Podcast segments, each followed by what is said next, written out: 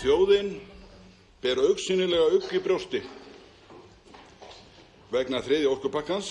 Og að koma hér upp og segja ítreka það sem hv. þingmaður kemur fram að, að þessir og leggja þessum fræðimönnum það í munn að þeir telji þetta hafa ekkert gildi og ekkert vægi er algjörlega fáránlegt. Allar staðhæfingar um hið gagnstæða eru rakið bull. Hinn 28. oktober 2015 þar sem þeir sammælist um að setja á laggirnar vinnuhóp sem var falið að skoða möguleika þess að leggja sæstreng milli Íslands og Bretlands. Við erum að ræða orkupakkan og orkan sem við höfum notað í að ræða orkupakkan er gigantísk. Herra forseti, eftir að hafa hlýtt á ræðu hæstvirts ráðherra skil ég betur taugaveiklunina sem við skiljum hér í, í salnum hjá þingmönnum háttvirtum samtryggingarflokksins. Ég vil hins vegar uh, spyrja þingmannina einni líkilspurningu. Uh, hver er hagnaður Íslendinga eða hagur af því að taka upp þriðja orkupakkan? Og þetta var brot úr umræðunum í dag á Alþingi og hinga til mér eru mættu Ólafur Ísleifsson miðflokki og Þorgjörg Katrín Gunnarsdóttir viðreist. Ég spyr þig Ólafur, já, er þessi umræða skil ykkurju? Hún myndi kannski skila meiru ef hún væri reist á meiri þekkingu á málinu og þeim sjónamiðum og lögfræðilegu atriðum sem að í raun og veru liggja hér til grundvallar. En nú er hvert, hver ræður mann að fætur öðrum að reykja þessi þýður að segja? Það er nú bara fullkomið álutamál hvort þeir hafi rækið orða því sem við höfum sagt. Ég kannast ekki við það. Þorgjörður, eitthvað nýtt í þessar umræði, er hún að skila ykkur í? Nei, það er ekkert nýtt í þessar umræðu og hún er kannski að skila því að, að og brín okkur sem erum tals með þess að, að tala fyrir hugsunum eins og frelsi, opnu markaði, samkeppni, alþjóðsamstarfi, jafnrétti, að við verðum vakandi þegar svona mál eins og orkupakkinni tekið og í rauninni setta fram staðleysu sem hafa verið hraktar hvað ofan í aðra, aðra á öllum fundum nefnda sem ég hef verið og ég hef bæði verið í utarrikis og atvinnuvega nefnd að það hefur ekkert komið fram, ekkert nýtt fram síðan í, í vor og þá veldi maður fyrir sér af hverju var verið að þrýsta í gegn þessum þingstupa, af hverju var það mál ekki klárað? Já, ekkert nýtt í málun og hvers vegna þessu umræða? Þorgerður verður að finna orðum sínum staðum það að það hefur verið eitthvað hrakið af því sem við höfum sagt hér, það fær ekki staðist, hún, getur, hún verður að nefna dæmu það og annar stað vil ég segja það að hún hefur ekkert engan engarétt á frelsi og alþjóðleiri samvinnu. Við hins vegar leggjum áherslu á það að í, í öllum efnum að þá sé gætt íslenskra hagsmuna og það er það sem að sömur hér e, álita ekki vera forgansmál. Nú er þetta búið að vera 138 klukkutunda umræður. Er eitthvað nýtt að koma fram núna í tilum með þess að það er varðið tveimur dögum í að ræða máli? Það er alveg nýtt í málinu að uh, framkvæmdastjórn Europasamansins er búin að höfða samlingsbrotamál gegn Belgíu. Það er bara mjög þýðingar mikið mál. Annar mál sem er í gangi, það er erindi til Fraklands og sjö annara ríkja varðandi uh, uh, rávorskaframleyslu og skipan þeirra mála. Þetta eru mjög þýðingar mikið landrið. Þorgerður þýðingar mikið andriði, ja, þetta hefur líka verið hrakið af stuðningsmönnum orkupakkans þetta ja, tengist í raun og veru ekki í þriðja orkupakkan. Já, það er alveg rétt. Það er búið að fylgja málinu öllu mikil ægi af halvu Örbusambansins og það er uh, talandi þá sem eru uh, svona ansnúni markaðanum og, og frelsinu og þá er einmitt þeir ætti frekar að fagna því að Örbusambandið er að brína aldaríki sín til þess að, að fylgja eftir þeim reglu sem að íta undir neytendavend og samkeppni og það er nákvæmlega það sem Örbusambandið er að gera. Við Íslendingar höfum því blessunarlega miklu frekar styrt okkar stofnanir eins og orkustofnun uh, og hennar umhverju og það er þá neytend og það er þá umhverju sjónamæð til lengri, lengri tíma. En að mínum að þetta er ógnin sem að miðflokkurinn telur stafa, hún er ekki út af uh, samstarfi fullvalda ríkja á alþjóðasviði, alls ekki. Ógnin sem er handað með hotnið og sem miðflokkurinn virðist ekki koma auðg á. Er mínum, hún er að mínum að þjóðornispopulísk og hún er lískum og fyrir því þurfum við að berjast og verðum að gera. Ólað, já, við berðum því við þessu að þetta séu hérna, já, hvað, hvernig orðaði hún, hún Þorgjörður í ræðun áðan að umræðan sé svona viður, viðvörun um mitt við uh, vaksandi populismu? Sko þeir sem að uh, skella því orði uh, fram, þeir verður auðvitað að skýra þeir eiga með því orði og þeir kannski geta fundið Íslands orði við þetta. En eru þið kannski að grafa undir alþjóðlegu samstarfi eða að ógna já, tilveru ES samningsins með ykkar málflöndum? Ekki á nokkur minnsta hátt. Við viljum fara að ákvæðum EES samningsins sjálfs eins og lögfræðingarnir uh, Friðrik Átni Friðriksson og Stefán Már Stefánsson leggja til. Það er þeirra aðal til að það verði farið eftir ákvæðum uh, samlýsins sjálfs um það að taka málið aftur upp í samveilunendunni og uh, hinn tilagan sem er lagari sem er reyfið þeirra áliti er svo sem að ríkistjónin ákvaða að fara. Við erum andið í þeirri tilögu. Hvað er að því að vísu til samveilu ES-nefndarinnar? Við Íslandingar höfum verið þeirri gæfi aðnötundi sem fullvalda þjóð að taka þátt í samstarfi NATO, EFTA-ríkjana og síðan EES-samningsins og allar þessar ákvarðana hafa verið til þess að styrkja fullveldið okkar og til þess að auka vermaðasköpun og hagsald í landinu. Það er engin breyting núna á og það er þess vegna sem ákveðin og stafar að því þegar miðflokkurinn haga sér eins og hann er að koma fram með þennan málflutning. Þá stafar fullveldinu ákveðin og þá stafar uh, velsaldin í landinu ákveðin og þegar verða að grafa undan ákveðin undurstöðum í, í samfélaginu og við verðum ekki síst að þóra að horfast í auð við framtíðan og það eru lofslagsváin, hamfararlíninu sem við verðum að berjast gegn og þar spilar orkupakki 1, orkupakki 2 og 3 og síðan hreinorkupakkin sem er verið næstu pakki mjög stórt hlutverk. Ólafur, það er alla líkur á því að uh, þriði orkupakkin, uh, þau mál sem tengjast honum verið samþygt hér á málundaginn. Uh, hefur það eitthvað afleðingar, munir þau bara snúa okkur á næsta máli eða haldið áfram? Sko, Þorgerður er að andmæli því hér að það sé vittnað í uh, lögfræðilega ráðunauta ríkistótarinnar. Uh, þeir hafa vara við því að samþýtta þessum orkupakka muni fela það í sér. Í fyrsta lagi meira framsal uh, ríkisvalds en áður eru dæmum fyrir Ísland á þessum 25 árum. Í annan stað segja þeir að erlendir stofnun verði falið ákvörnavald eða minnst að kosti ópin áhrif á skipulag, ráðstöfun og nýtt. En eru þeir ekki búin að betta á það að þessi fyrirvara þeir haldi? Það bara hefur ekki nokkuð maður haldið því fram uh, með margtakum hætti að þessir uh, lagalegu fyrirvarar hafi minnsta þjóðrættalegt gildi vegna þess að þetta eru einhliða yfirlýsingar og, og hafa e e ekkert skuldbindingar gildi fyrir viðtakanda þeirra. Ég spurði um afleðingarna, hefur þið ykkur afleðingar, allir þið bara snúa okkur á næsta máli eða haldið áfram þessari baráttu eða um að mun hún snúa stutt? Ég meina við höldum bara áfram því, því sem við erum að gera og það er að gæta íslenskra hagsmuna og hlusta á rödd þjóðurinnar. Fólk er löngum treyst á að kynast lífsförunötnum í gegnum vini og kunningja, fjölskyldu sína eða vinnustad en það er að breytast. Sangvað nýri bandarískri rannsókn finna flestir maka sín á samfélagsmiðlum og snjallækjum þar sem algoritmar gegna hlutverki hjúskapar miðlara. Ef það er svona korpasett, einar. Já, einar litlir kátur að fá að horfa á kvolpasveitina. Fóreldrar hans Glóti Skuðgirstóttir og Steinþór Helgi Artsteinsson leif honum að horfa þátt á meðan við ræðum hvernig þau kynntust og lögðu grunninn að fjölskyldunni sinni. Glótis er ekki vafa um hvað vakti áhugunar á Steinþóri. Það voru krullunar. En hjá þér? Brósið hennar. Glótis og Steinþór kynntust á samfélagsmiðlinum Tinder. Tinder er stefnumóta app sem notar upplýsingar um útlitt, áhugamál og landfræðilega staðsetningu til að leiða fólk saman til náinn að kynna. Og það er ekkert óvinnulegt eða skrítið við að finna lífsförunaut sinn á netinu.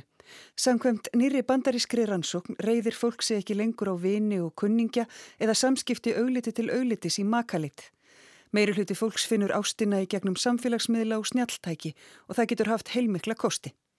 Ég veit ekki, kannski að maður getur gert eitthvað svona smá background check á undan.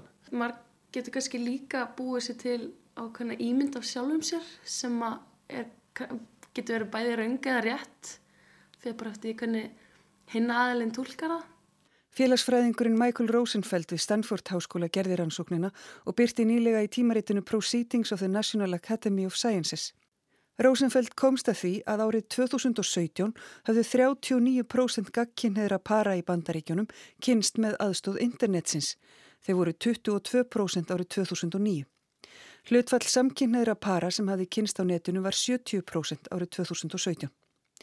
Arnar Egert Tórótsen er félagsfræðingur og aðjungt við Háskóla Íslands þar sem hann fjallar meðalannis um samfélagsmiðlana. Þessi áhrif þeirra eru þó enn ókönnuð á Íslandi. Nei, ekki, þetta hefur ekki verið rannsakað á Íslandi en ég fagna þessar rannsóknans Rosenfeld sem er svona uh, hann kemur eins og amerikanar eru oft hann kemur svona positífa skólanum hann er að sjá jákvæða þróun í, í, í þessum málum Uh, Evróski fræðingar geta oft verið svona tortregnari þannig að hann er svona hann er að leysa upp ákveðna bannhelgi sem er yfir því hvernig fólk kynnist þannig að hann er að lýsa því bara hvernig þetta er að breytast á náttúrulega hátt mæti segja. Samskipti í dag fara mjög mikið fram í gegnum internetið. Þetta viðtal var bókað í gegnum internetið. Þannig að það, þetta er að verða eðlilegur og náttúrulegur hlutur af uh, samfélaginu. Þannig að auðvitað kynnist fólk líka í gegnum uh, interneti eða samfélagsmiðla.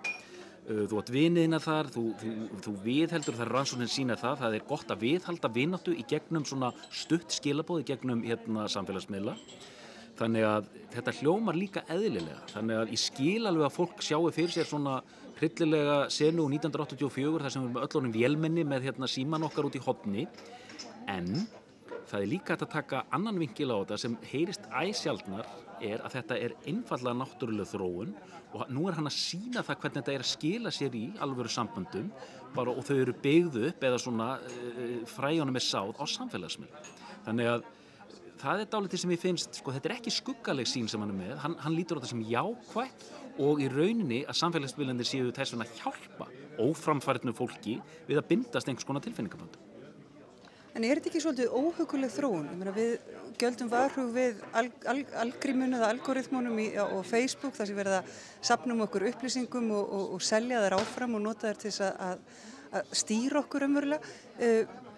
Er þetta ekki svolítið óhugulegt ef að algoritmunum farin að velja okkur maka líka? Er við ekki farin að leipunum ansi nær okkur? Jú, þetta er mjög góða punktur og maður auðvitað einhvern veginn, maður á sama tíma sko, maður fær alveg svona, maður hryllir við þessu líka, þetta sé orðið svona fjárstýtt og vélrænt og allt gert í tölvum en hitt ber á að líta, til dæmis þessi stöðu og þróuna við sem að hlusta á tónlist til dæmis í gegnum uh, svona streymisveitur og streymisveitan er alltaf að benda okkur á eitthvað, heyrðu, þér geti nú líka við þetta.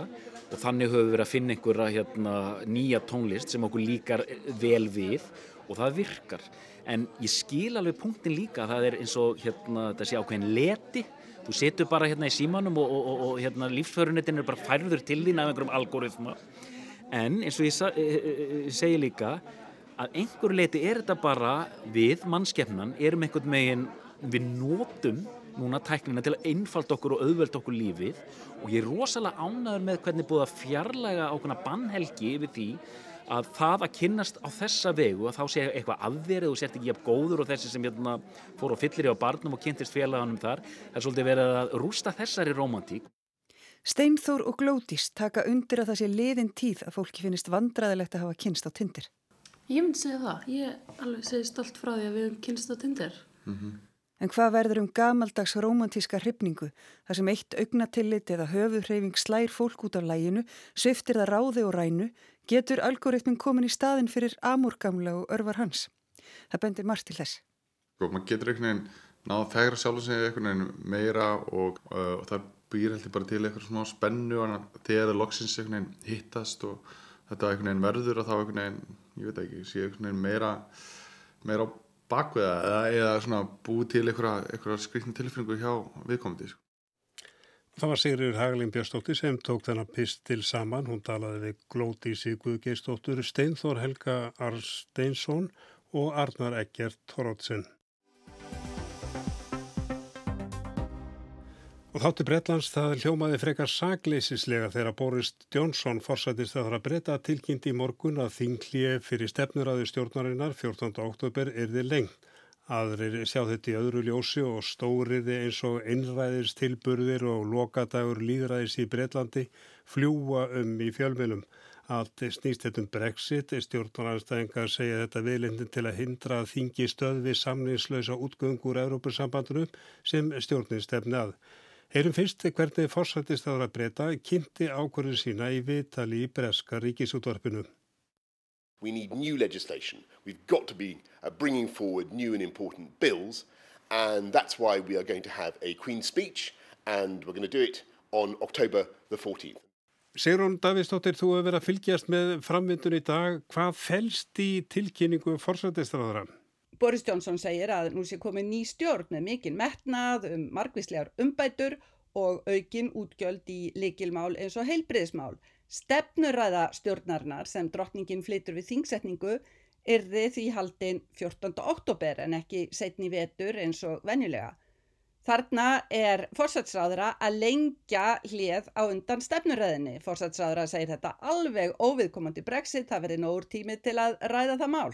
En styrnismenn stjórnarinnar segja að þetta heldur ekki til að gera veður út af. Af hverju tekur stjórnaranstafn að reynda líka nokkru þingmenn í halsflokksins þetta svona óstindu? Þinglje í samhengi við áætlaða útgöngu úr Evrópusambandinu ekki síðar en 31. oktober er allt annað mál en þinglje þegar ekkert sérstaklega stendur til.